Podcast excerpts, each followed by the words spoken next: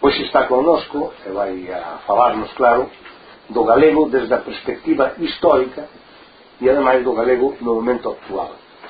Coido que todas as linguas, claro, teñen eses dous puntos e despois teñen ao longo do tempo falando a lingua e como se van transformando, como van pasando unhas para un lado, outras para outro.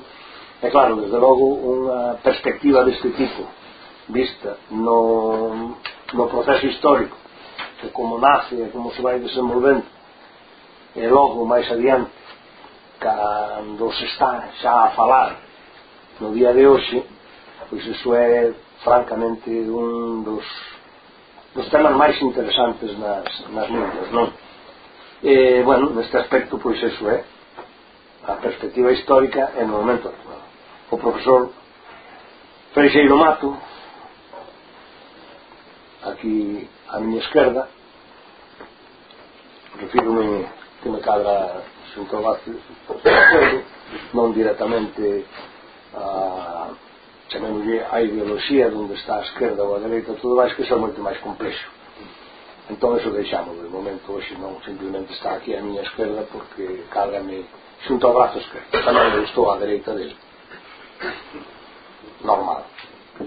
Se está a miña esquerda eu estou á súa dereita certamen do brazo, do brazo eh, tens escribido pois cousas moi interesantes, moi interesantes. Obtuvo o doutoramento da Universidade da Coruña no ano 92 cunha tese sobre Noriega Varela e a edición crítica da súa obra completa. No ano seguinte accedeu a unha praza docente na mesma institución onde na actualidade é catedrático na Facultade de Filoloxía desa mesma universidade na área de Filoloxía galego-portuguesa.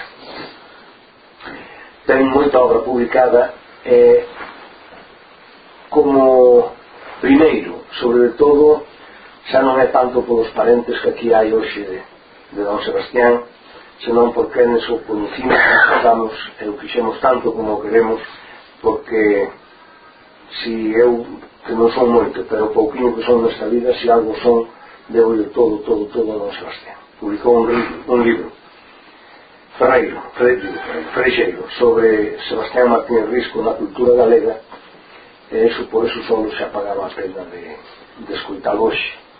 Pero eh, é agradecerlo, é eh, agradecerlo sempre, sempre, sempre, sempre.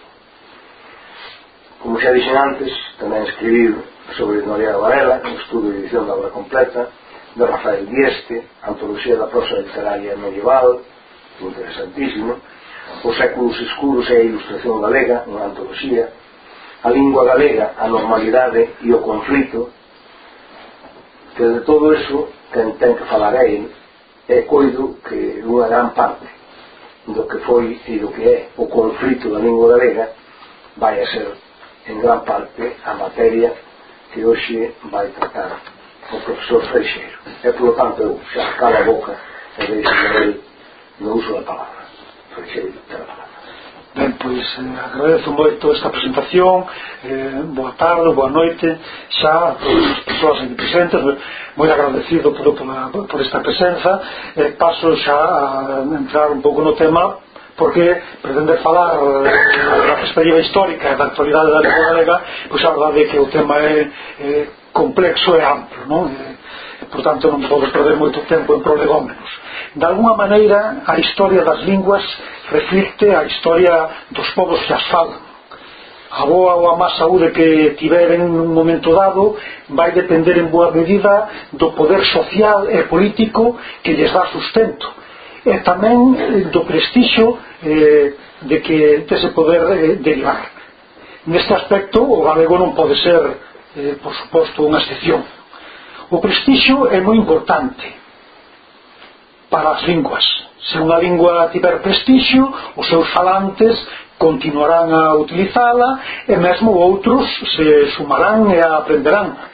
Se unha lingua non tiver prestixio, pois eh, mesmo acabarán por desertar dela os seus propios falantes mas eh, eh ben sabemos eh, que prestixio en inglés se di prestige non? Eh, ben, non sabemos nós os galegos tivemos un prestige hai poucos anos nas nosas costas e a lingua galega eh, coido que tamén xa leva sufridos algúns prestixe deste tipo non?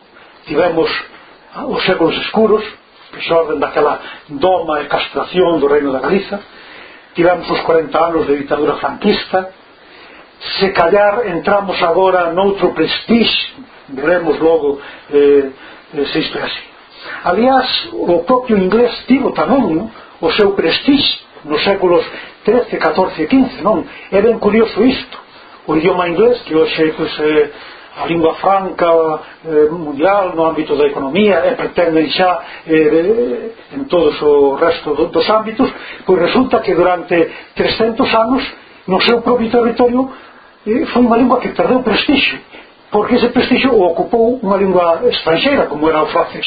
O francés era a lingua das casas altas que lingua adoptada polas casas altas pois eh, mesmo ameazou a supervivencia do inglés os, os ingleses conseguiron restaurar o prestigio da súa lingua. Mm. E vemos eh, como lles foi non? e vemos eh, realmente como mesmo hoxe o inglés é unha das grandes fontes de ingresos da economía británica. O finés tamén recuperou o seu prestigio. Sabemos que Finlandia foi dominada por Suecia eh, xa no século XII estivo 650 anos baixo o dominio político de Suecia. Logo, en 1809, Finlandia pasou a formar parte de Rusia e logo conseguiu a súa independencia en 1917. Ben, pois, o sueco, que era no século XIX falado polo 15% da populación eh, finesa, resulta que era a lingua de prestigio naquela altura. eh, a lingua que falaba a maioría, a lingua eh, eh, de Finlandia, pois era unha lingua desprestixiada. Hoxe, a situación xa inversa. Pois eh, o sueco pasou de ser falado polo 15% no 19 a ser falado agora polo 5,8% eh, en Finlandia. E o finés é a lingua falada polo 93% da poboación e a lingua eh, de prestixio porque é a lingua propia de Finlandia. Por tanto, este caso demostra que é posible recuperar o prestixio da lingua. Inclusive podíamos referimos ao galego, ao galego portugués.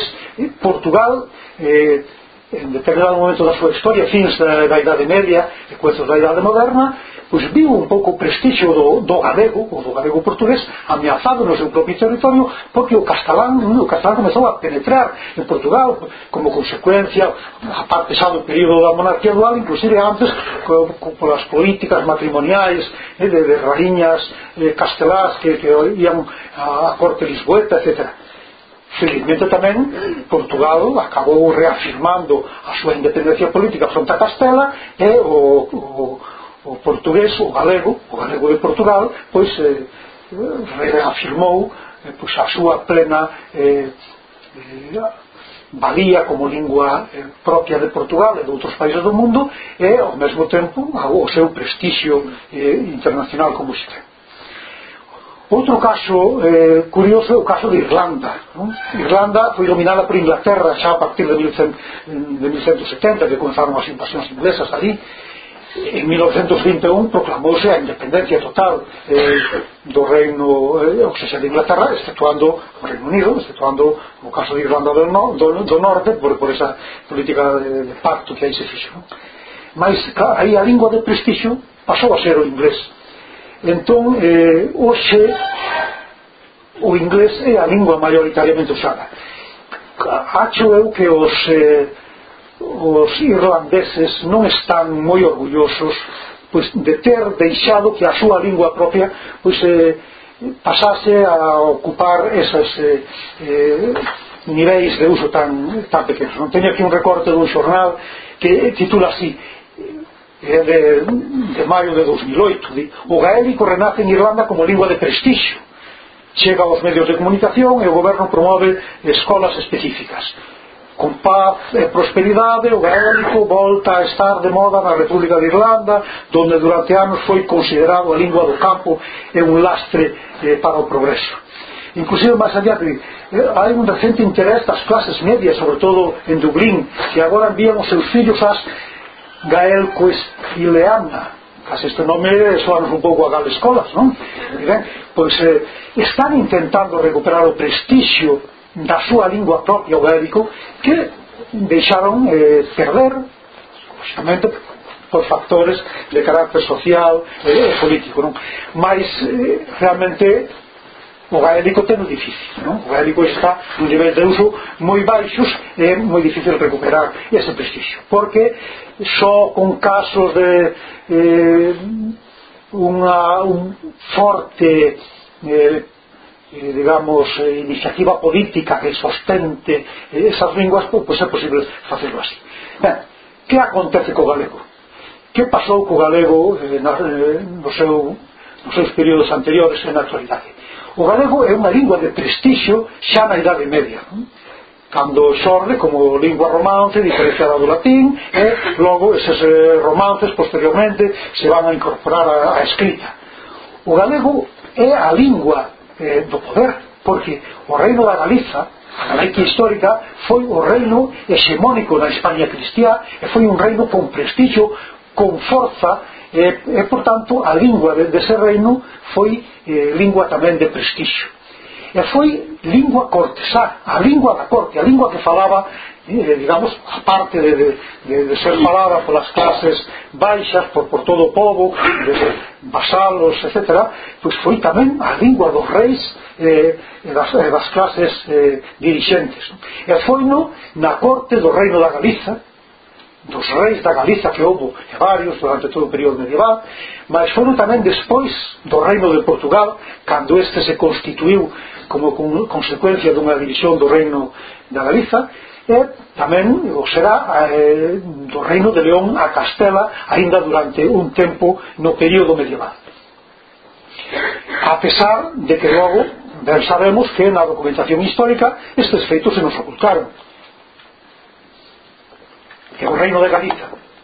Soy, eh, secunda, secundarizado ou mesmo eliminado das referencias eu tive a oportunidade de asistir aquí a unha interesantísima conferencia eh, do profesor Anselmo López Carreira onde explicou moi ben a importancia eh, do reino de, da Galiza eh, na Idade Media non? e como ese reino da Galiza pois, foi un reino poderoso e forte e a Galiza foi realmente esplendorosa nas artes, na literatura, etc, etc derivados tamén eh, dese esplendor político ben, pois cando eh, posteriormente á existencia do Reino de Galiza no século XII como unha consecuencia da división do Reino de Galiza eh, xorde o Reino de Portugal debemos ter moi en conta que o Reino de Portugal aparece no territorio da Galicia é un territorio que era eh, plenamente galego e gobernado por reis galegos. Logo será precisamente o fillo da rainha galega Dona Teresa Afonso Enríquez o que se converta no herói da independencia de Portugal e polo proclame Portugal como reino independente. Mas iso acontece no século XII xa a mediados do século XII no ano 1143 podemos eh, dar esa data cando eh, Afonso Enrique se proclama rei de Portugal ainda teremos que esperar a 1179 para que o papado o recoñeza oficialmente ben, pois, lógicamente, a lingua de Afonso Enríquez que na documentación árabe é denominado galego sí, a ver se chama o, o pérfido galego pois eh, esa lingua eh, lógicamente non pode ser outra máis que o galego, porque é a lingua eh, da Galiza, eh, Portugal xorde como un territorio dentro da Galiza mas tamén o vai ser de León, do Reino de León a Castela. por un lado hai que decir que o Reino de León muchas veces o que é é unha eh, forma de ocultar a existencia eh, do reino da Galiza non? como moi ben eh, nos eh, dixera aquí Anselmo López Carrera na documentación medieval eh, que está, que está en árabe, en latín, en inglés etc, etc. aparece reino da Galiza e eh, os historiadores españois que construíron unha historia ad hoc para converter Castela no núcleo dunha España xa eh, existente eh, na, na Idade Media pois eh, eses eh, eh, historiadores eh, falsificaron de tal forma. A documentación histórica que onde poñía eh, Reino da Galiza ben fose en árabe, en latín ou o que fose, pues, ou, perdón, eh, si Reino da Galiza traducían Reino de León, o Reino de Asturias Reino de Asturias de León, etc, etc vamos, a documentación árabe eh, clarísima, non? aquel jaliquilla que era a denominación que daban a, a Galiza pois os árabes eh, temos mapas onde aparece así en árabe jaliquilla e debaixo Reino de León claro, é unha eh, traducción ben curiosa non? pois cando xa eh, posteriormente, efectivamente eh, a par do Reino da Galiza vai aparecer o Reino de León e despois o reino da Castela o reino da Castela un, un reino en principio insignificante que vai cobrando segundo vai avanzando a Idade Media pois eh, eh, eh, puxarca eh, para xa na, na Baixa Idade Media converterse no reino sinomónico pois tamén no reino de Castela o galego vai ser a, a lingua ali falada somente vou por vamos, un, un, un testemunho non que ademais me, me, eh, serve moi ben o que xa dixo aquí o meu presentador para referirme a don Sebastián Martínez Risco no seu libro moi interesante Presencia da lingua galega non? pois eh, ali recolle eh, este feito e cita a fonte non? un historiador eh, paisoltano que foi bispo de Pamplona era Prudencio Sandoval eh, de, do século XVI, XVII, non? Segunda mitad do XVI, principios do XVII. É un rei de Valladolid, por tanto, perdón, un rei, un historiador de Valladolid, por tanto non, non está aquí sendo pacié, digamos, tirando para Galiza, porque non ten ningún interese niso, non? Entón, ele narra a historia do rei Afonso VI, O rei Afonso VI é un rei moi importante non? Na, eh, na historia peninsular medieval é un rei que que era o que desterrou ao Cid Campeador que tivo unha importancia enorme na configuración eh, dos reinos cristiáns eh, pois, eh, dinos eh, este historiador vallisoletano que, eh, que cando lle levaron o rei Afonso VI a nova da morte do seu fillo primogénito morto na batalla do Cres ali alrededor de ano 1108 1110 entón, e en la lengua que se usaba dijo ai meu fillo, ai meu fillo, lume dos meus ollos, alegría do meu corazón, bota unha eh, grande perorata en pleno galego, en completo galego. Non?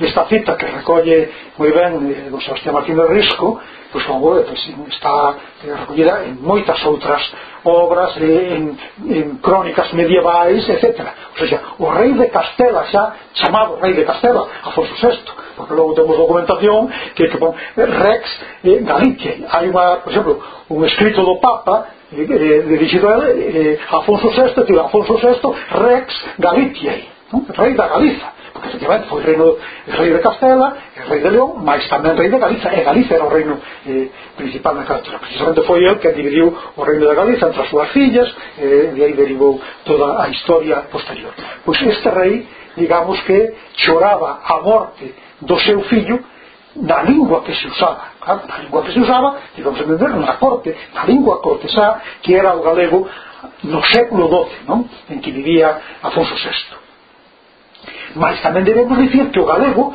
foi a lingua en que se educaban os príncipes de Castela eh, con posterioridade a Afonso VI temos aí eh, testemunhos claro Fernando III chama, Fernando III Santo eh, foi criado en, na Galiza foi eh, educado en galego e falaba galego como nos dan eh, como nos testemunha por exemplo o erudito Eugenio López Ardillo non?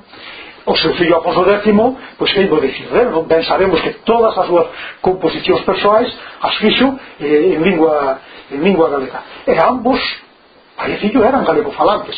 Non nos podemos explicar de outra maneira, por exemplo, que Afonso X escribise, non sabemos que non escribiu todas as cantigas de Santa María, mas escribiu unha boa parte delas. Esas cantigas son cantigas, a maior parte, narrativas, en que, que recollen un vocabulario variadísimo, que contan anécdotas do, do máis diverso con temáticas moi diferentes porque para xuntar 400 milagres 400 céntimos xa fai falta pois, moita imaginación e tratar moitos temas non? Non, pois, só unha persoa instalada na lingua galega o podría facer non, feito este, este é claro mas ainda podíamos tamén acudir ao, o dominio da, da lírica non? e vermos como o galego se converteu en lingua lírica peninsular Por unha parte, xa nos séculos XIII, e eh, a primeira metade do XIV, temos a escola trovadoresca, galaico-portuguesa, eh, que ten pois, un, un reconhecimento eh, moi importante.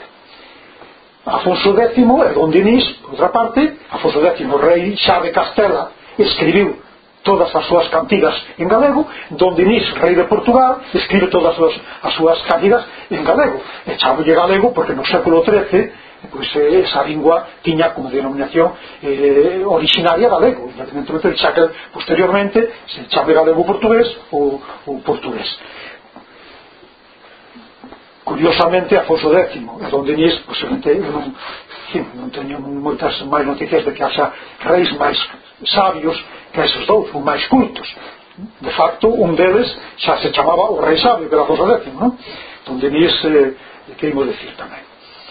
Mas ainda se nos eh, trasladamos ao século XIV, eh, temos a Afonso XI, rei de Castela entre o ano 1311 e 1350, é bisneto de Afonso X, é autor dunha composición lírica en castelán en un tempo cogí flores, ese o título. E vimos eh, Vicente Beltrán, que é unha composición, van, non tengo máis que lela para comprobalo, chea de galeguismos e tamén se lle atribúe unha cantiga de amor en galego. Ou seja, ainda no século XIV, un rei de Castela eh, comeza a escribir en castelán, pues, a, a, estaba iniciándose, eh, son os inicios da lírica castelán, porque hasta o século XIV non hai lírica en lingua castelán, lírica eh, era eh, en galego, evidentemente.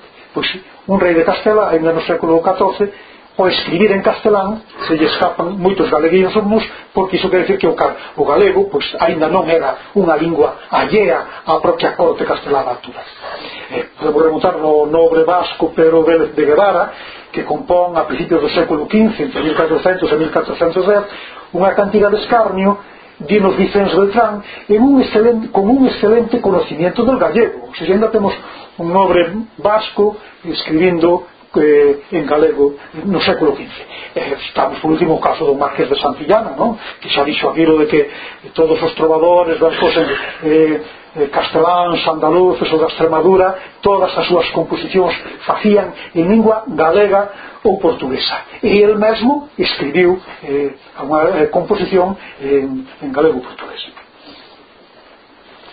Por tanto o galego foi unha lingua eh, de poder unha lingua de prestixio no propio territorio falado por todas as clases sociais mas tamén inclusive fora eh, dos límites territoriais. Da propia Galiza se converteu en lingua valírica e falar da lingua valírica naquela altura era falar propiamente da lingua de cultura e chegamos eh, ao final da Idade Media e ese prestixio eh, que o galego alcanzara pues, resulta que se vai perder como, como ben sabemos. Esa perda Eh, do prestixio que, eh, que alcanzou o galego no período medieval, pois debemos pola en relación coa perda do poder político, eh, que se inicia, digamos, podemos dizer, no século XIII, a partir do ano 1230, precisamente eh, co reinado de Fernando III, podemos dicir que o reino da Galiza, que continúa existindo como tal reino, non? que vai existir durante toda a Idade Media, e oficialmente o reino da Galiza non se extinguiu ante o século XIX será no ano 1833 coa división provincial de mm, Javier de Burgos cando eh, formalmente se eh, dé por eh, extinguido o reino da Galiza mas a, a esa altura mesmo formalmente existía como tal como tal reino. O caso é que a partir eh, do ano 1230 o reino da Galiza si xa vai depender directamente do reino da Castela. Van ser os reis casteláns os que ao mesmo tempo ostenten o, o título de reis da Galiza. Antes era a inversa eran os reis da Galiza os que despois tamén eran reis de, de León, reis de Castela ou de outro reino. Agora o reino hexemónico vai ser Castela e Galiza pois, vai ser un reino sen rei propio porque o rei propio da Galiza vai ser o, o rei de Castela. E claro, aí se inicia eh, digamos, o proceso de perda de poder de Galicia. Mas non se inicia o declive do galego de moito menos. De facto, temos que no século XIII e XIV temos o esplendor da escola lírica galego-portuguesa, porque o galego continuaba sendo lingua eh, eh, asociada ao poder político, Galiza era un reino importante eh, na altura tamén, e, por tanto, temos que todo o século XIII, XIV e XV o galego pois, eh, eh eh, continúa unha vía de normalidade eh, como as outras linguas romances eh, do seu contorno non? eh, vemos como inclusive cando se incorpora o uso dos romances á prosa documental ou seja, aos textos utilitarios cando eh, os romances sustitúen o latín para facer aquelas funcións eh, que converten unha lingua normal ou en oficial resulta que o galego vai estar aí desde o primeiro momento. Non? Isto é tamén interesante que eh, eh, reflexionemos un pouco a este respecto. Eh, Hoxe decimos que o galego, ou algúns pretenden que xa, que, que xa está normalizado, xa ten aí recoñecidos os seus dereitos, xa se poden facer documentos, etc. en galego, por tanto, xa non hai problema co galego.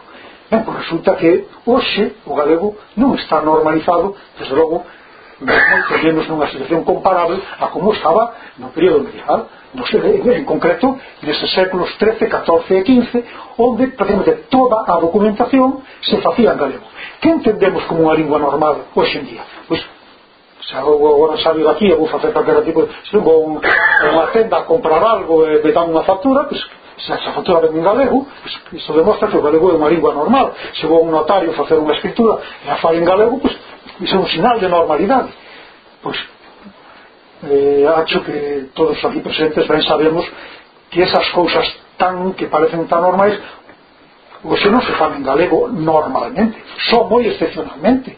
Documentos de compra-venda eh, de aluguer, eh, actas de, de casamentos, eh, de divorcios, todo iso só moi ocasionalmente, ás veces a petición de parte e mesmo após un, un conflito previo eh, se poden facer eh, en galego portanto o galego hoxe non ten a normalidade que, que tiña na idade media seguimos aos documentos medievais cada vez temos máis documentación dos séculos XIII, XIV e XV non? hai por exemplo Enrique Monteagudo ou Ramón Lorenzo teñen editado eh, moitos eh, documentos achados en mosteiros e eh, en outros moitos bueno, resulta que están prácticamente todos en galego as actas dos concellos do Concello de Compostela, do Concello da, eh, da Coruña ou de, ou de, de, de Pontevedra, etc pois está eh, prácticamente toda a documentación en galego só comezan a aparecer algúns eh, documentos moi ocasionalmente en castelán Esa que cando proceden da chancelería real, eh? cando proceden da corte de Castela, porque xa dicimos que a partir do século XIII o rei da Galiza é ao mesmo tempo rei de, de Castela e xa goberna desde Castela. E a veces manda un escrito en, en castelán.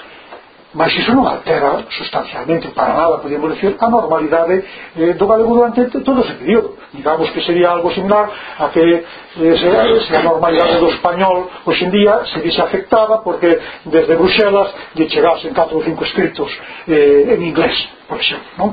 Iso non afecta para nada a normalidade eh, do español como non afectaba a normalidade do galego naquel momento. cada finais do 15 este proceso vais a acrecentar, sobre todo eh, mesmo na documentación eclesiástica, cando comezan a vir bispos de fora, eh, que mesmo xa si sí, comezan a facer unha elaboración de documentación en galego, mas ainda durante todo o século XV son casos eh, moi esporádicos.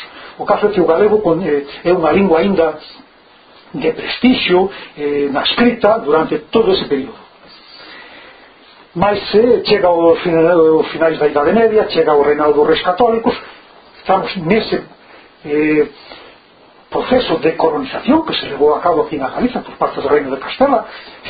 Chamarlle o proceso eh, que exerceu o Reino de Castela sobre a Galiza de eh, colonización pois non é ninguna exageración bah, de feito é un proceso histórico que se deron en todas as partes do mundo non? Eh, a historia da humanidade pois, construíse así uns povos conquistaron e colonizaron outros Pues eh, Galiza, a fins da Idade Media, eh, a fins do século XV, foi colonizada por Castela. Quer dizer, que os castelanos chegaron aquí, eliminaron as clases dirigentes galegas, literalmente os nobres galegos foron pendurados dos carballos ou foron desterrados a lutar contra os mouros eh, a Granada e no seu lugar se puxo unha clase dirigente foránea e a partir de aí veu a imposición do castelo Galiza agora eh, ainda conservando a condición de reino xa eh, pasa a ser un reino esquecido, un reino marginado, un reino eh, totalmente eh, abandonado á súa propia sorte e eh, políticamente totalmente subordinado a Castela. Tanto así que eh, Pilar Vázquez Cuesta mm, nos fala de que eh, Galiza se converte case que nunha colonia de Castela tan remota como unha colonia de ultramar non? iso era eh, a situación de Galiza nesa altura Era, entón xa nesa altura xusto nos últimos anos do século XV é cando o galego que era esa lingua lírica por excelencia, eh, lingua dos, dos reis de, que estudaban e que aprendían os propios reis de Castela. Como nos podíamos explicar que os reis de Castela viñesen a educarse a Galiza? Non? Que sentido tiña iso se Galiza non fose un reino importante e se o galego non tivese prestixio? Como nos podíamos imaginar, nos podemos imaginar hoxe que a Casa Real mande os príncipes a, a, a formarse nunha lingua eh, eh, nunha lingua considerada pois minorizada ou nunha lingua pouco eh, relevante para eles curiosamente eh, a situación era inversa justamente porque o galego era a lingua de prestixio pois os príncipes rollas e reis de Castela educábanse en Galicia, e todo o caso de Caldas de Rei, non? onde se ten educado algún eh, dos reis eh, que logo serían reis de Castela ben, pois xa nos encontramos que a finais do, do século XV eh, a parte xa desa expresión tan manida de sem, sempre a lengua foi compañera del imperio non? que utilizou Lebrija no prólogo da súa gramática para falar precisamente como Castela colonizou outros reinos peninsulares, incluído o Reino de Galiza, e a lingua foi un instrumento, unha compañeira desa, dese proceso de colonización.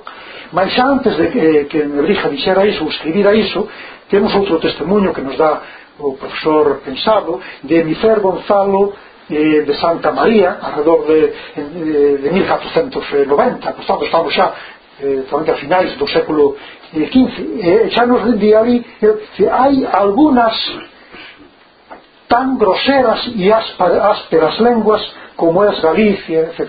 O sea, aquela lingua lírica, aquela li, lingua cortesá, agora xa pasa a ser lingua áspera e lingua groseira, polo simple feito de que agora xa é a lingua dun povo que non ten poder político que, que eh, ficou subordinado eh, a outro povo, como é o caso de Castela.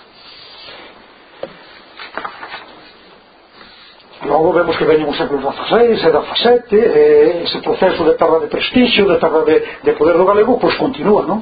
Galiza eh, fica empobrecida, eh, é obxeto de burlas, mesmo, e aquí é curioso como eh, durante eses séculos, chamamos como séculos escuros, resulta que Galiza vai ser vituperada, vai ser ridiculizada en Castela, eh, e tamén en Portugal, porque para os portugueses, claro, recoñecer as súas orixes galegas non lles interesaba nada ou non eh, contribuía para construir o seu eh, digamos espírito eh, nacional non? Eh, eh, a súa, reafirmar a súa propia eh, personalidade. Claro, non tiñan interese ningún en recoñecer eh, a existencia anterior e importancia do reino da Galiza é que a súa lingua era directamente o galego.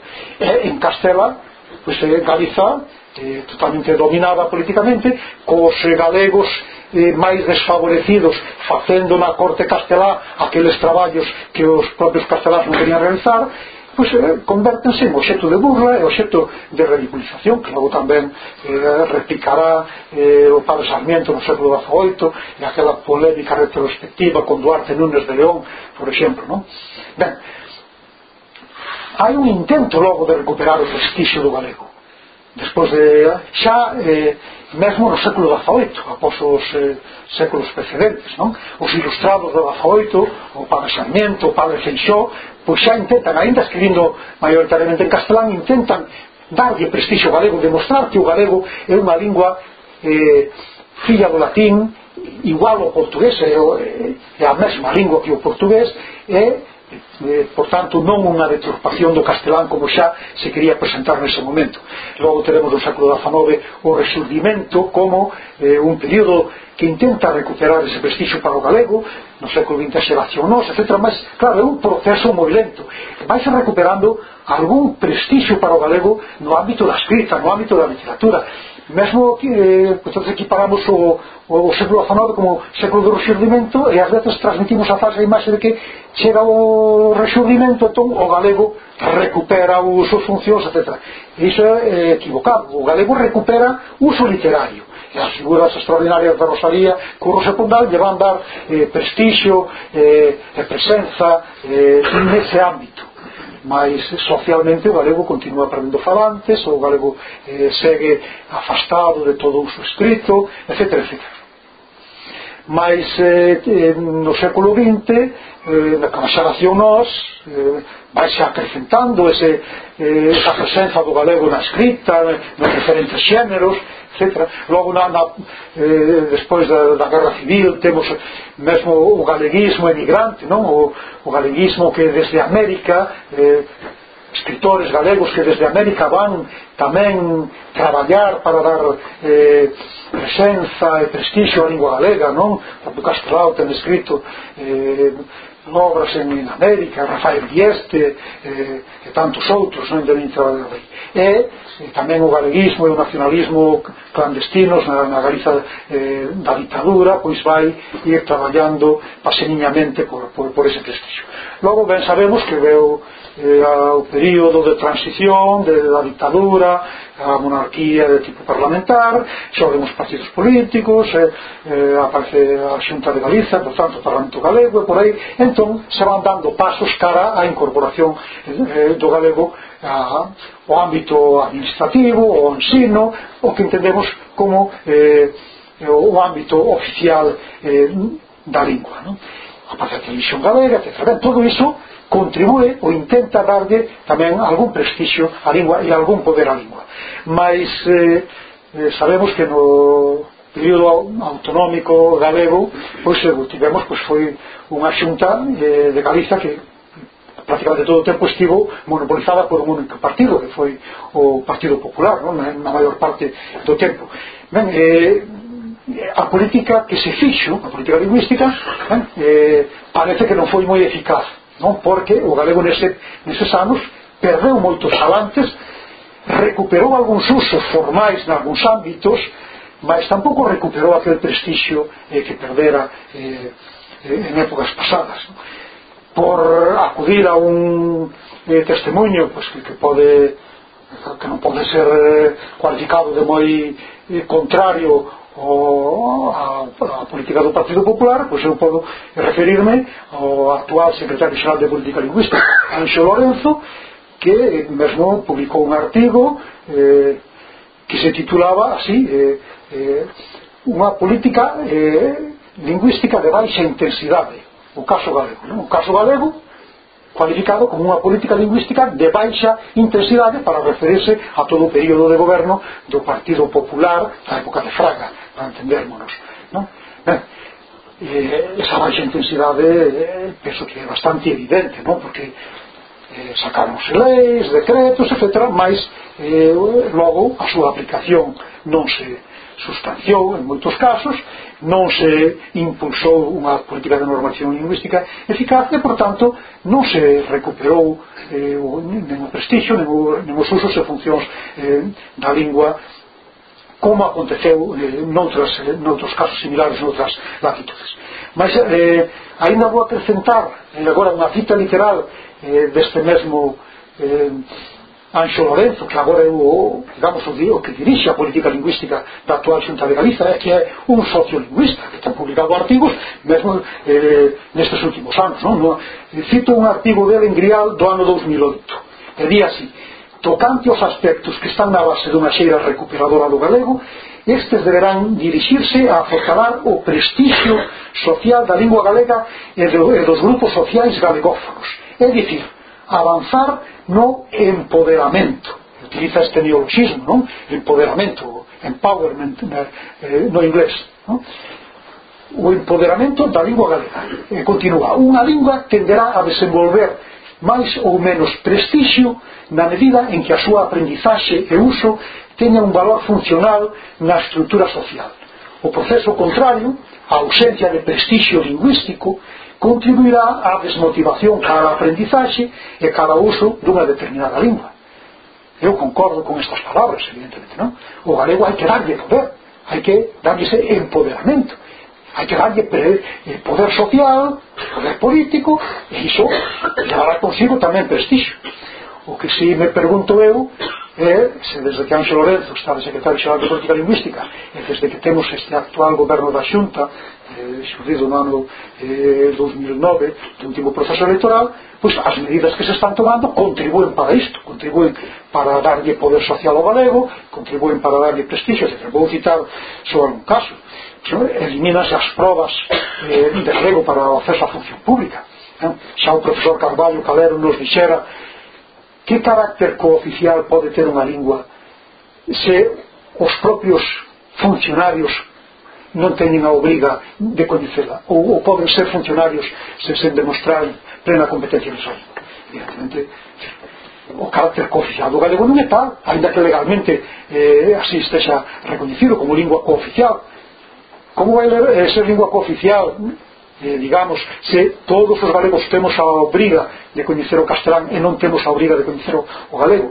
E se unha persoa pode exercer de funcionario do goberno autonómico galego eh, sen, sen coñecer o galego ou sen demostrar plena competencia galego. eh, pues, estaba se exigindo agora unha, eh, unhas probas de, de galego para os funcionarios que agora foron eliminadas iso non contribúe desde logo para dar prestixo á lingua reducindo a súa presenza no ensino tampouco se prestixa a lingua non? E, o decreto 2007 do, do goberno bipartido anterior pois eh, pretendía garantir ese mínimo dun 50% en galego derivado precisamente da aplicación dese plano xeral de normalización lingüística que impulsara e aprobara o Partido Popular O decreto ese non era máis que a traslación literal eh, do plano xeral ao decreto. Non? Pois resulta que agora o que fan, o que amenazan con facer, están en proceso de facelo, pois é eliminar ese decreto, sustituílo por outro, rumorease que se van eh, a falar por porcentaxes de 30%, 100, 30% en galego, 30% en, en español, 30% en inglés. Realmente impensable, impracticable, ademais, eh, podemos imaginar a que o 30% do ensino o 33% do ensino en Galiza se pode dar en inglés. É materialmente imposible decir, non hai un profesorado competente nin, nin alumnado nin é posible hoxe en iso. O que se vai utilizar iso precisamente será para rebaixar o galego e logo ao final o español acabará ocupando ese, ese 30% que estaba destinado ao inglés mas como non pode ser en inglés. Así non estamos prestixiando tampouco o galego non? tampouco se eliminamos as axudas, a publicación de libros en galego, ou a traducción en galego, a produción de series en galego, suprimindo programas eh, eh, de música galega, non? Eh, por exemplo, da propia radio galega, non? Eh, é curioso, como algunha das primeiras medidas pois, foi suprimir ali, eh, ou eh, quitar ah, a Xurxo Souto pois, dun programa que o único facía era promocionar os grupos que cantaban en galego e radios difusión. Non? Tamén introducindo debates que danan nunha maneira tremenda o prestixio da lingua galega o debate sobre o L aquí nesta cidade é un debate introducido polo partido que goberna hoxe pero sí, claramente eu entrei aquí o, xa non o, o portavoz eh, municipal aquí do Partido Popular senón ese superdelegado esa figura de superdelegado que puxeron agora xa eh, desde o día de toma de posesión dicir que ian reactivar este tema? un tema claramente destinado a desprestixar o galego, a crear, eh, eh, digamos, conflito, eh, eh, polarizar e crispar a sociedade para que aqueles que asumían, ainda que eh, no principio pues, non mostrase moito entusiasmo, pois asumían, como non pode, debería ser de outra maneira, o cumprimento da lei, pois agora volten de novo a eh, desatar unha guerra que o único que vai é afectar ese prestigio da lingua galega tampouco penso eu que non se contribue o, para o prestixo do galego o sustituir escolas por galiña azul, non? Parece ser que todo que soa galego ou Galiza parece que é sospeitoso de algo, non? Realmente eh, eh, pouca eh, forma esa de eh, darlle empoderamento e prestixo á lingua galega. Sobre todo, penso que non lle dá ningún prestixio nin contribúe para nada a que o galego pois recupere ese poder eh, que tivo ese, ese, as súas funcións plenas pois, eh, transmitindo a imaxe de que o propio goberno da Galiza que ten a obriga legal porque non é que queira facer eh, algo polo galego non é que as leis din que ten que facer ten a obriga legal de promocionar o galego de, de, de garantir os dereitos das persoas eh, a utilizar o galego todo iso é, é lei que, que, que teria que cumprir. Eh, é a imaxe que transmite é que están contra ainda que logo que iso se xamatizaba en moitos aspectos non? mas a imaxe pública que transmite o que fai moito dano cara á sociedade é eh, esa idea de que o propio goberno galego está en contra eh, do idioma da caixa claro, iso socialmente ten unha repercusión e unhas consecuencias eh, desde logo tremendas non? como eso que en ver hoxe conselleiros da xunta de Galiza ministros da Galiza que non falan galego presumen de non eh, falalo ou mesmo de non saberlo non? Eh, realmente eh, iso é eh, tamén un elemento que dá eh, cara á sociedade unha imaxe moi negativa do, do idioma tamén ver deputados xa no Parlamento Galego que, que se expresan en castelán eh? en fin, Logo, seguimos as medidas que está tomando este goberno de política lingüística. pues, claro, continúa existindo unha Secretaría Xeral de Política Lingüística. Pois, de que medidas se toma? Que medidas orzamentarias para, para, para dizer, bueno, bueno, eu teño aquí unha relación que nos, mandou, que, que nos mandou a Cotenol e mentre os orzamentos xerais da xunta baixan un 0,4% os dedicados á política lingüística baixan máis dun 20% a xunta reduce recursos para campañas de normalización da lingua nun 36% Tamén se reducen un xeito moi importante os recursos que se dedican a empresas editoriais para proxectos en lingua galega, menos eh, o 50%, asociacións de fin de lucro, o 25% menos, equipas de normalización e dinamización lingüística, o 25% eh, o 20% menos. Estamos volendo, porque está claro que as medidas non, non van por o camino. Quero centrarme agora na situación actual, xa para ir terminando, e Tamén vendo esta situación actual na perspectiva da historia da propia lingua. Podíamos dir que eh, ao final da Idade Media, eh, ali polo ano 1500, non? a principios do século XVI, se queremos, o 100% da poboación falaba galego. Eh, pois, pues, eh, comezaba a chegar unha clase dirigente foránea que nos representaban eh, o 0,0 un porcén da poboación eh, que xa comeza a falar en castaño e celebras mas hace ese momento o 100% da poboación falaba en galego ben, pois podemos dicir que desde eh, o ano 1500 até 1900 principios do século XX, por tanto máis ou menos perdeuse un 10% de falantes. Toda esa política de doma e castración que nos deixou o padre Zurita eh, seguida polos reis católicos eh, e eh, logo os reis sucesivos eh, todo o proceso de secundarización do galego pois conseguiu que o galego perdese pois en un longo período de 400 anos pois eh, un 10% de falantes ben, agora vemos como esa perda de falantes se acelera dunha maneira eh, moito máis eh, eh, grande non? de 1900 a 2000 prácticamente perdeuse o 40% eh, dos falantes no século XIX podemos dicir que é cando abandonan o galego xa definitivamente as clases altas. Ainda no século XVIII temos testemunhos de nobres galegos, por exemplo, os, eh, os irmáns eh, Feixó, eh, non só o padre Feixó, que é un, un grandísimo erudito, pois son que os seus irmáns, Ana, por exemplo, Anselmo, Plácido Montenegro, que teñen eh, escrito algúns poemas en lingua galega. Nun deles, un deses irmáns di que fai o poema porque súa nai lle pediu que o fixese eh, na, na nosa lingua que lle ensinaron de pequenos etc. era unha familia eh, nobre galega que aínda no século XVIII defendía o galego ben, no século XIX podemos dar xa eh, por abandonado o galego por parte desas clases eh, altas, non? das clases eh, eh, digamos acomodadas na sociedade galega no século XX estamos vendo agora como foron abandonando o galego as clases medias urbanas e a mocidade o o galego é unha lingua claramente minoritaria, eh, no ámbito urbano, eh, desas clases medias e eh, tamén eh, entre a mocidade. Claro, fica o galego, agora no século XXI que xa estamos, como lingua das clases populares.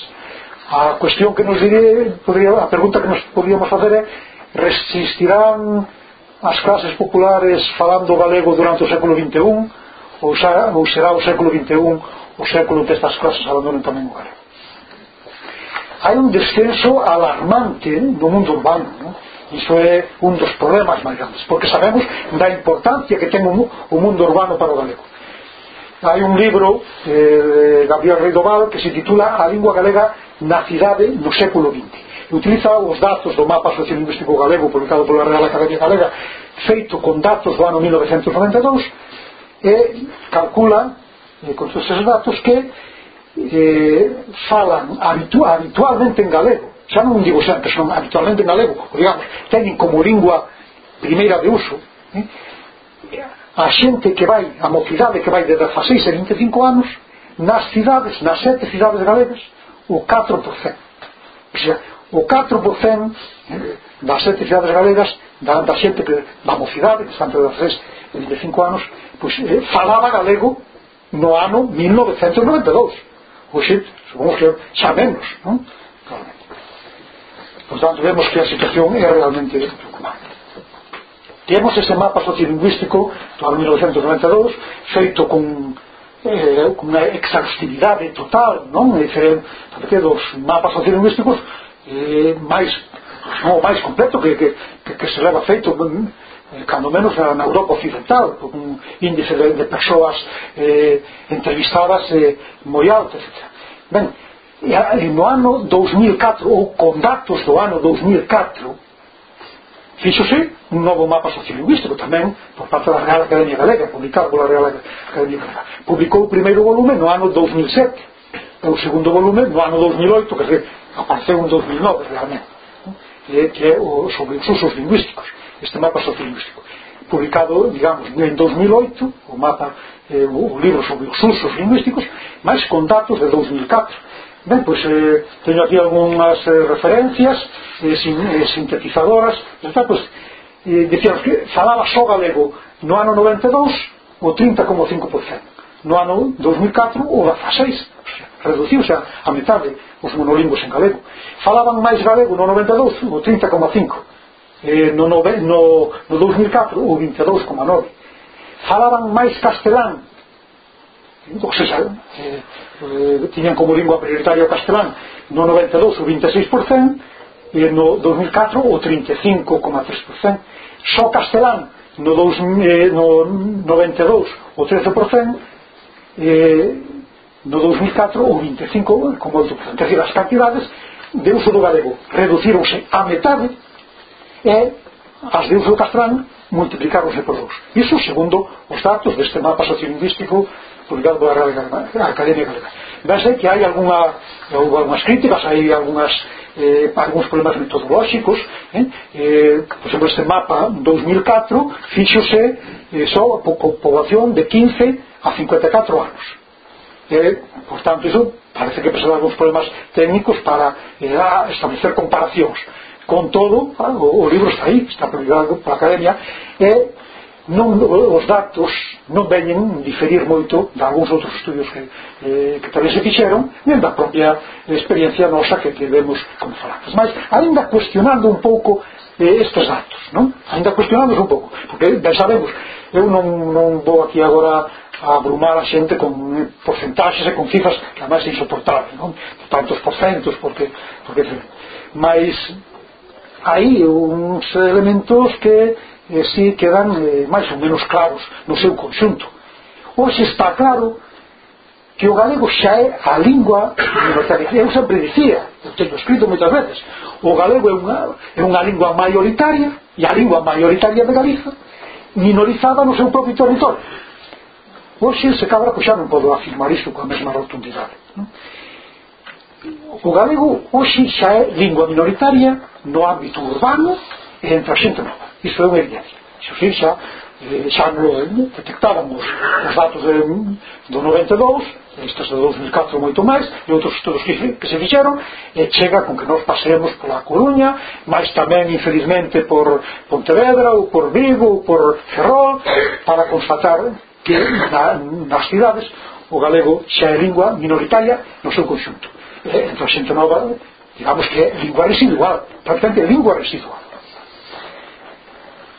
tal vez eh, sexa xa tamén lingua minoritaria a nivel xeral que se nos referimos se nos eh, fiamos os datos deste mapa 2004 que está publicado en dous volumes eh? o segundo volume este dos usos lingüísticos moi voluminoso vai a redundar moi caro eh? eh? se supoño que sin, eh, son pagados con fondos públicos están feitos por expertos das universidades galegas etc supoño que alguma fiabilidade terán o titular da, da, da prensa era a porcentaxe de galego falantes caiu do 61% ao 39% en só 12 anos Iso é, isto é, isto é, isto é, Portanto, eh, ben, mas eh, eh, os datos estes eh, están aí recollidos eh, eh, nese. Ou seja, eh, facendo, eh, digamos, un cuestionamento da metodoloxía seguida aí, tendo en conta que se eliminan as persoas maiores de 54, de 54 anos, mas pola contra tamén se eliminan as, eh, as que son menores de 15, que son as que menos falan en galego. Ben, eh, podríamos efectivamente cuestionar esa, estas porcentaxes mas eh, sendo eh, digamos eh, pretendendo ser así equilibrados eh, como moito hoxe no conxunto xeral do país se a proporción estivese eh, no 50 no 50-50 digamos pois penso que xa eh, non estaba mal para o galego. E posiblemente pode ser. Se nos fiamos dos datos do mapa sociolingüístico galego de 2014 publicados agora pola Real Academia Galega a proporción invertiuse. Ah, se antes estábamos máis ou menos nunha proporción de no 92 de 60 galego fronte a 40 castelán agora pasaríamos a unha proporción inversa. 40 eh, galego e 60 castelán. E iso só en 12 anos co cal eh, a deriva de aí eh, que se eh, marca para o galego realmente sería eh, moi perigosa non? mas é un feito evidente que o galego está perdendo falantes dunha forma acelerada. Falantes que se perden agora cunha facilidade que antes non se perdían. Durante o século XVI, XVII, XVIII co galego totalmente desprestixiado barrido das institucións, dos usos formais mas o galego permanecía pola estructuración social, da altura, etc permanecía como, como lingua totalmente dominante na, na maior parte do territorio galego. Mas hoxe vemos como mudou a sociedade, como eh, se mudaron as coordenadas de distribución poblacional urbano, rural, etc. E, por tanto, eh, a penetración dos medios de comunicación, etc. fai que todo sexa moi diferente e o que antes levaba 400 anos eh, eh, para producir unha perda dun 10% de falantes, hoxe conseguese se cada pois, en 2, 3 ou 5 anos. Por tanto, o galego leva unha deriva moi perigosa. Por iso era tan necesario incidir. Por iso o anterior goberno de partido da Xunta da Galiza pois, tomara aquela medida do 50, de garantir o 50% como mínimo galego, que por outra parte ben sabemos que ainda non, que non se estaba a cumprir. Non, mas Esa é a única maneira de pretender equilibrar Que se a sociedade galega eh, di, di que o galego debe ser preservado como un valor eh, importante da sociedade pois hai que tomar medidas como se toman en outros sitios etc ben? garantir ese 50% no ensino pois eh, parecía unha medida eficaz e mínima para que compensar precisamente que o galego estea desaparecendo entre a xente nova. A xente nova por razóns moi diversas. Non aprende xa o galego na familia e aí hai factores de tipo sociológico moi diversos. Non quere dicir iso tamén porque a sociedade lingüística é moi complicada a sociedade non? E non podemos participar eh, eh tan alegremente estes datos como algúns fan que, ah, é que se os pais non ensinan galego aos fillos ah, é porque non queren entón non temos nada que ensinar. Non é tan sinxela a cousa. Hai moitos pais que non transmiten o galego aos fillos non porque non queiran o galego ou porque non queiran os que os seus fillos non falen galego senón porque son eh, produto dunha sociedade eh, que eh, non lle ofrece o, o galego as mesmas oportunidades que o castelán eh, e eh, teñen en conta tamén todo o contorno eh, que rodea os rapaces, etc. Entón, eh, na sociedade pois, se foi instalando o feito de que o, o castelán é máis útil, e claro, todos os pais queren para os seus fillos o mellor, entón moitos pais que poderían eh, optar e desechar que o seu fillo eh, coñezan e falen o galego pois transmiten o castelán por, por diversos fatores pasa como aquela tanta xente que veu da, da, do medio rural urbano non? Que deixan a súa casa familiar onde naceron seus avós e seus pais e se veñen vivir a cidade. É porque desprezan a, a aldea e, e, e sentir un amor louco pola cidade.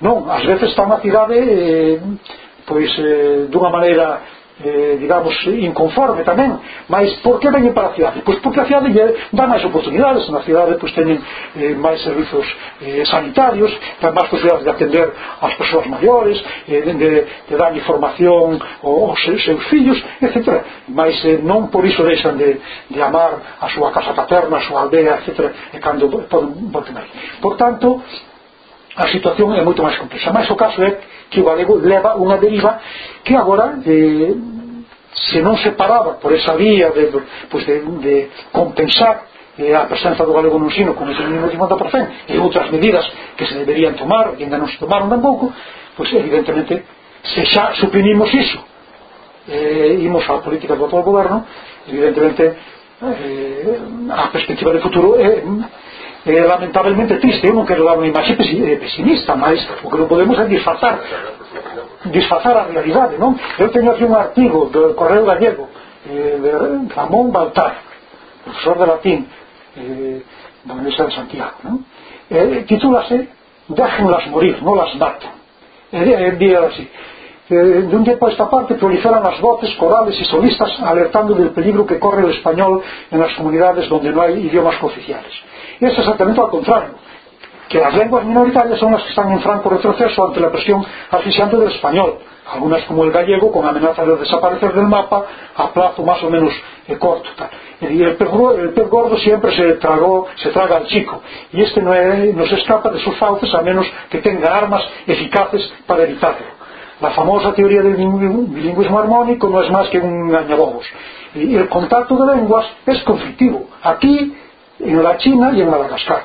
Ben, eh, é unha evidencia, iso non? Hoxe inténtasenos dicir eh, se nos crean esos eufemismos, tratan de bilingüismo armónico, pois de bilingüismo cordial, de que, que todo iso.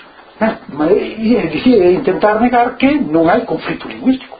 Iso é un contrasentido, quer dizer, ali nun territorio onde conviven dúas linguas, inevitablemente, non porque ninguén o queira, non sei, porque as linguas eh, intentan ocupar unhas os espazos das outras. Cando o castelán foi introducido aquí na Galiza, eu, eu, eh, era falado por 0% dos galegos, eh, penetrou o castelán e foi, eh, entrou en conflito co galego e foi, foi loitando co galego restándolle falantes e funcións ao galego.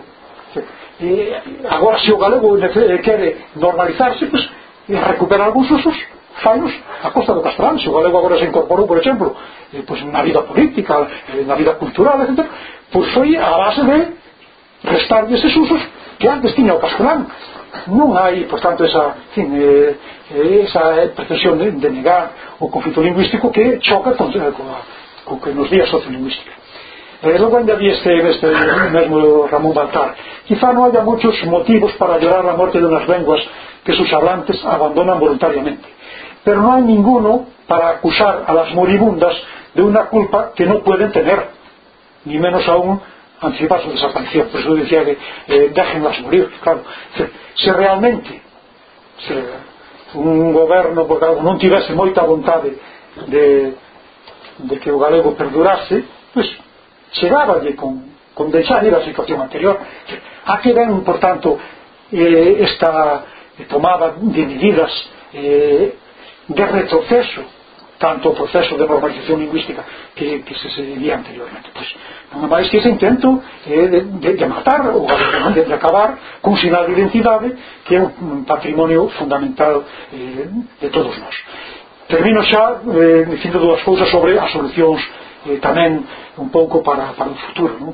eu penso que primeiro habría que intentar aplicar aquel plano xeral de normalización da lingua galega que fora aprobado por unanimidade no Parlamento e que agora se ve que mesmo xa non queren nen, nen falar del. Habería que garantir ese mínimo do 50% do galego no ensino. É a única maneira de poder compensar esa eh, conversión do galego en lingua residual entre xente nova mas tamén habería que, que, que, que ter instrumentos legais que decir, converter o galego realmente en lingua cooficial. E se todos os galegos temos a obriga de coñecer o español deberíamos tamén ter legalmente estatutariamente a obriga de coñecermos o galego. Sen iso o galego sempre vai estar en inferioridade. E se unha persoa sempre pode alegar que el non tenga por que coñecer o galego Lógicamente iso impide calquera política de normalización ou de equiparación do galego co castelán.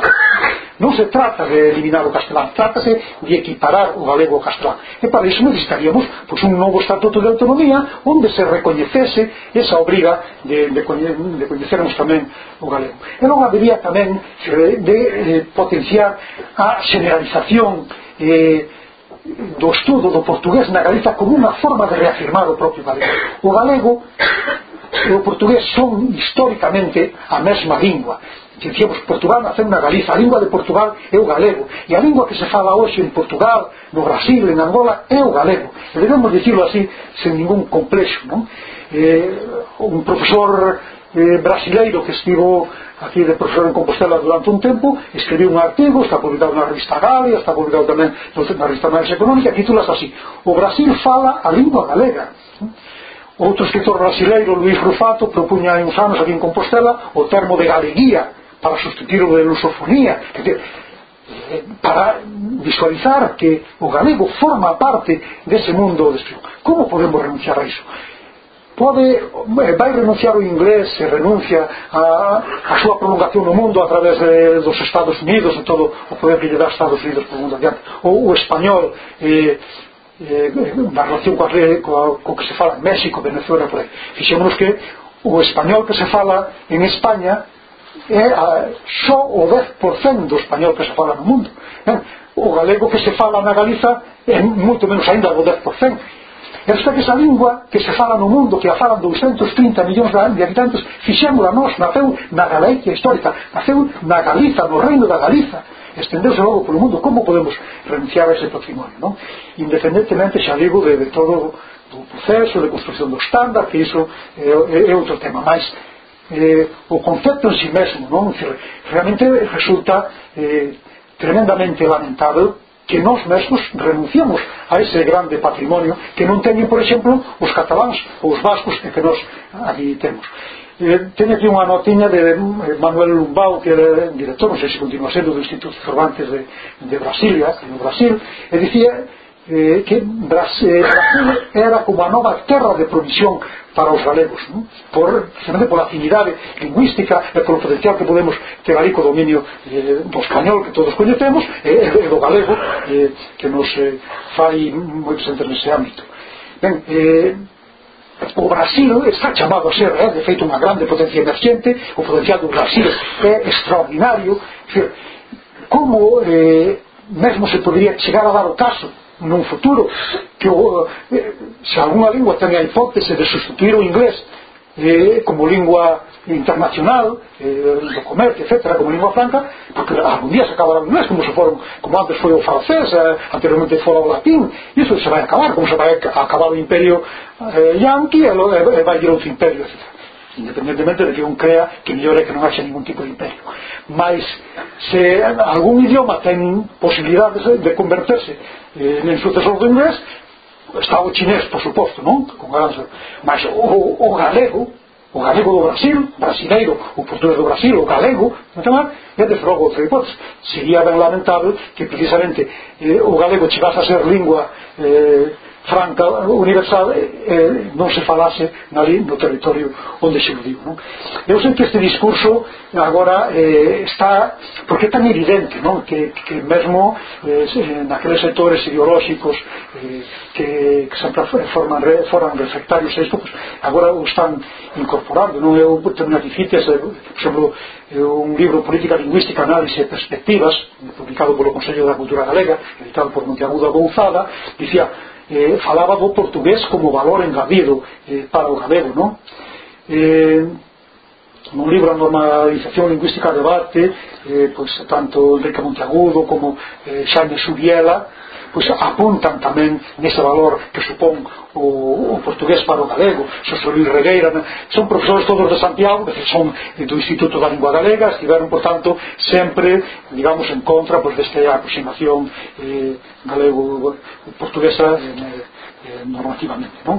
Mas eh, temos inclusive outras voces agora, vexo hai un David Balsa que, que lembraba aqueles tempos de, de, de estudante, de, das, eh, tal, mas agora escribindo no Jornal de Galicia constantemente reafirmando a importancia que ten o, o galego para andar polo mundo non? E, eh, por ser a mesma lingua que o portugués. De feito, agora que vexo aquí a, os eh, familiares de Sebastián Martínez Risco, tal, pois é unha idea que está no, no, nos escritos de Sebastián Martínez Risco cunha eh, nitidez eh, tremenda, non? E, e mesmo algo adiantándose bastante a eh, cando ainda non se facía moita, moito fincapé no Brasil e ele xa facía fincapé na importancia que tiña o Brasil e como no Brasil se, eh, se falaba eh, o galego ben, pois eh, xa digo, se David Falsa ou se fala disso, María Xosé Porteiro que, Isaac Díaz en fin de, ter falado moitas veces e continua a falar que, xa sempre eh, non estritamente vinculadas a determinados ámbitos ideológicos senón que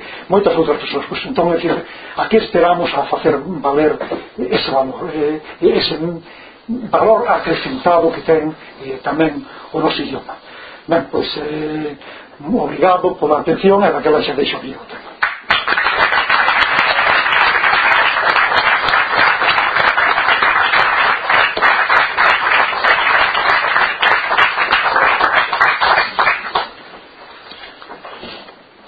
como temos moi pouquinho tempo, de todos xeitos, eh, penso que calquera intervención daría para falar moito sexa por parte de quen sexa por, pola parte do, de alguén do público ou pola parte do, do vosso serramo pero daquela, pero moi moi curtiño podendo ser veña.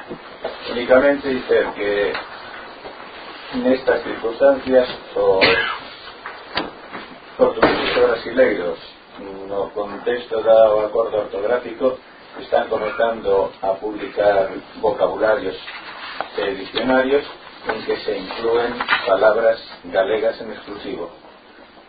O acaba de publicar a Porto Editora o seu vocabulario mmm, dirigido polo profesor Malaca Casteleiro e a nesa, nese vocabulario 800 palabras de uso quase exclusivo portugués eh, galego. E moitas delas lóxicamente mm, son regionalismos no norte de Portugal non recollidos son nos dicionarios oficiais e iso en grande medida foi mérito se se me permite da Academia Galega da Lingua Portuguesa que xa vai tendo un ano e pico de funcionamento en un ano e pico pouco máis desde o 6 de outubro do ano pasado vamos conseguindo iso Pois, eh, efectivamente, eh, concordo plenamente con iso. Eh, eu vi un momento, xa que o moderador comezaba a inquietarse un pouco, eh, eh, cortei a última tiña tomado aquí esta nota que pode comprobar, a, a, a GLP, mil palabras galegas que pasan tal, que, porque eu considero que é un feito moi importante isto, non? Eu non sou membro da Academia Galega da Lingua Portuguesa, acabas de crear hai tempo non tampouco concordo cada denominación non? Mas eh, recoñezo eh, e admiro o labor que está facendo en tan pouco tempo. E eh, esa constatación de que por, parece que case que por primeira vez desde o outro lado se nos está tomando en consideración para min é de vital importancia. Porque ata agora Todo era, sin, tiñamos casos moi excepcionales, que, excepcionais, como Rodríguez Lapa, esa xente, se, as declaracións de amor eh, dos portugueses a Galiza, etc. Agora, que iso se plasmase en algo concreto, eh, non se vira. E eh, os pasos eran desde aquí cara ao, ao portugués, non? O movimento reintegracionista galego, que tira do galego cara ao portugués, outros pretendan eh, tiramos cara desde outras posicións, mas tamén eh, eh, pretendemos eh, levar o galego cara esa maior aproximación.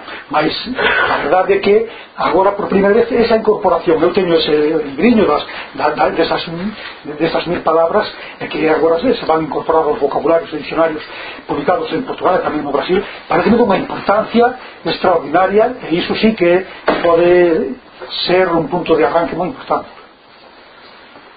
Porque eh, falaba, falei do tempo do prestigio do empoderamento do galego que mellor arma para empoderar o galego que a que nos ofrece hoxe o Brasil sobre todo, non? como gran potencial Esa sí que é unha, unha boa maneira de empoderar o galego pondo directamente en relación con, coa lingua do Brasil eh, permita eh, tamén eh, Carlos Núñez eh, eh, por exemplo que nunca escoitara nada referido a estes temas da, da lusofonía etc, mas que agora estivo parece que este último ano polo menos vivindo no Brasil eh, facendo ali música pois cos músicos brasileiros etc, pois agora anda predicando anda predicando esa irmandade eh, galego-brasileira esa identidade lingüística que nos une non?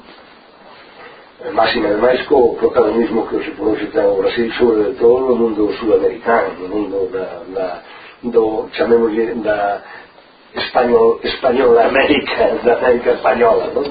esa forza que ten actualmente o, o Brasil nese mundo pois é importantísimo claro. Pero a ver venga e rematamos un minuto, no, eh, no, vou resumir un minuto Eu teño a impresión moitas veces cando veño estas conferencias que eu son o último falante do, o derradeiro falante do galego que o galego e o arameo é a mesma cousa. Non sei como se pagan estas cousas pero eu non son lingüista. Eh, estudiei analogía, prosodia, ortografía e sintaxis non tengo gramática que me repete pero eu digo unha cousa na miña profesión que é outra que é a medicina eu non paso a vida facendo estadísticas de cantos morreron, cantos viviron cantos trato de millorar e salvar as cousas. Eu estou vendo por pan das, eh, dos puriferarios do galego que imprimen, eh, imprimen unha negatividade, pero unha negatividade que un sabe cada vez peor tendo a impresión de que o galego está desaparecendo. Bueno, estánse creando, de alguna maneira, estánse creando xornais e revistas novas en galego. Os libros en galego están aumentando, súa dirase, ninguén dice unha palabra as, as, eh, ainda que se está perdendo de, por na televisión galega hai unha audición que é unha audición en galego. Evidentemente se está perdendo evidentemente non é o que nos queremos. Evidentemente hai unha maniobra para desfacer os topónimos non la L de la Coruña non a rúa rúa nueva ou é rúa ou é nova ou é rúa nova ou é calle nueva pero non as dúas ou é a gaiteira ou é la gaiteira pero non a gaiteira etc, etc, etc, etcétera, etcétera, entonces quero decir que, por exemplo, faltan diccionarios médicos, faltan vocabularios de hostelería, faltan cousas prácticas, falta un sentimento donoso, un sentimento donoso. Eu non vexo que os señores profesores ilustradísimo, todos, en general, e cada un en particular, o real, os membros da Real Academia Galega, transmitan á xente un sentimento un sentimento donoso da nosa nacionalidade, do noso sentido de nación, do noso sentido de patria. A mí me aconteceu o remato, xa pasei un minuto, fun a Madrid e me dijeron, se usted Ah, pues mire, usted no parece, no parece gallego. He oído como otras personas, he contestado muchas gracias, muchas gracias. Digo, un momento. Un momento, vamos a poner esto en papel. ¿Qué significa eso? No, bueno, claro, yo no quiero decir nada, pero ya sé que los gallegos son muy trabajadores. Digo, claro, es que entonces yo, si, si lo identifico usted con los madrileños, cuyo patrón es San Isidro, que le trabajaran los campos Los Ángeles mientras él dormía la siesta. Ahora los que trabajamos los campos con los gallegos, los catalanes y los vascos. Y yo sí me identifico a usted como un madrileño. Me voy a un hotel eh, y digo, y nunca más me aquí, porque usted me ha insultado, no sé si consciente o inconscientemente, pero me ha insultado, tengo su buenas tardes. Eso é unha postura militante a favor do noso, da terra, do, non da morriña, da saudade e de cousas de... Eu penso que, que, que é un problema de autoestima, nada máis. Claro, Porque a mí de que me vale ter unha telegaita, eh, e que me están largando ali un, un galego falante, cando sei, con 90% dos traballadores de telegaita, que comen a conta do galego falan español. De que me vale as produtoras si todo Dios fala español. Pero de que estamos falando? É problema de autoestima de facer moita pedagogía eh, a mí me vale de nada eso. Está gente trabalhando. Bueno, tal como, tal como decía eu, o, o tema é, é, dá para bater dá para bater um dia, um dia seguido sem parar. Assim que hoje por hoje temos que parado aqui, é, agradecendo oh, a todos. Deixa-me Não vou dar um mito, não vou dar um Não, não, não, não, não, não, não, não, não não é, é, é, é o que eu pergunto. A mim o que se me faz sobre o galego que non o pode consellar por exemplo, a persecución que fallose asunta do galego da situación económica e política do neoliberalismo. É dicir a crisis económica de afecta a extracción de plusvalía inevitablemente con a, a bolsa de de famento que se crea a restricción das liberdades vai ser a política central de todos os estados capitalistas mesmo nas áreas metropolitanas como é Europa. Entón un dos mecanismos de dominación é a alienación é, é, é a pérdida da, autoestima. É un dos mecanismos en este territorio concreto é sobre unha aprobación que conforma a nación galega é a negación da recuperación da identidade con restricción de, da liberdade a que protesta e vamos a ver será super golpeada. E estamos vendo en Copenhague, que parece que todos os territorios países nórdicos de toda liberdades, levan detencións e hostias a manchada e que non podemos divorciar un pouco este diseño. Sobre o galego de isto porque casualmente ven das faes ven do ASNAC que está ligado a Murdoch en, en decir, son diseños que van máis alá de Compostela.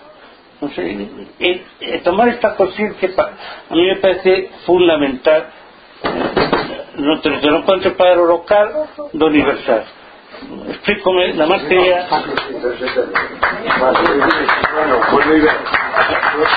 No, tranquilo.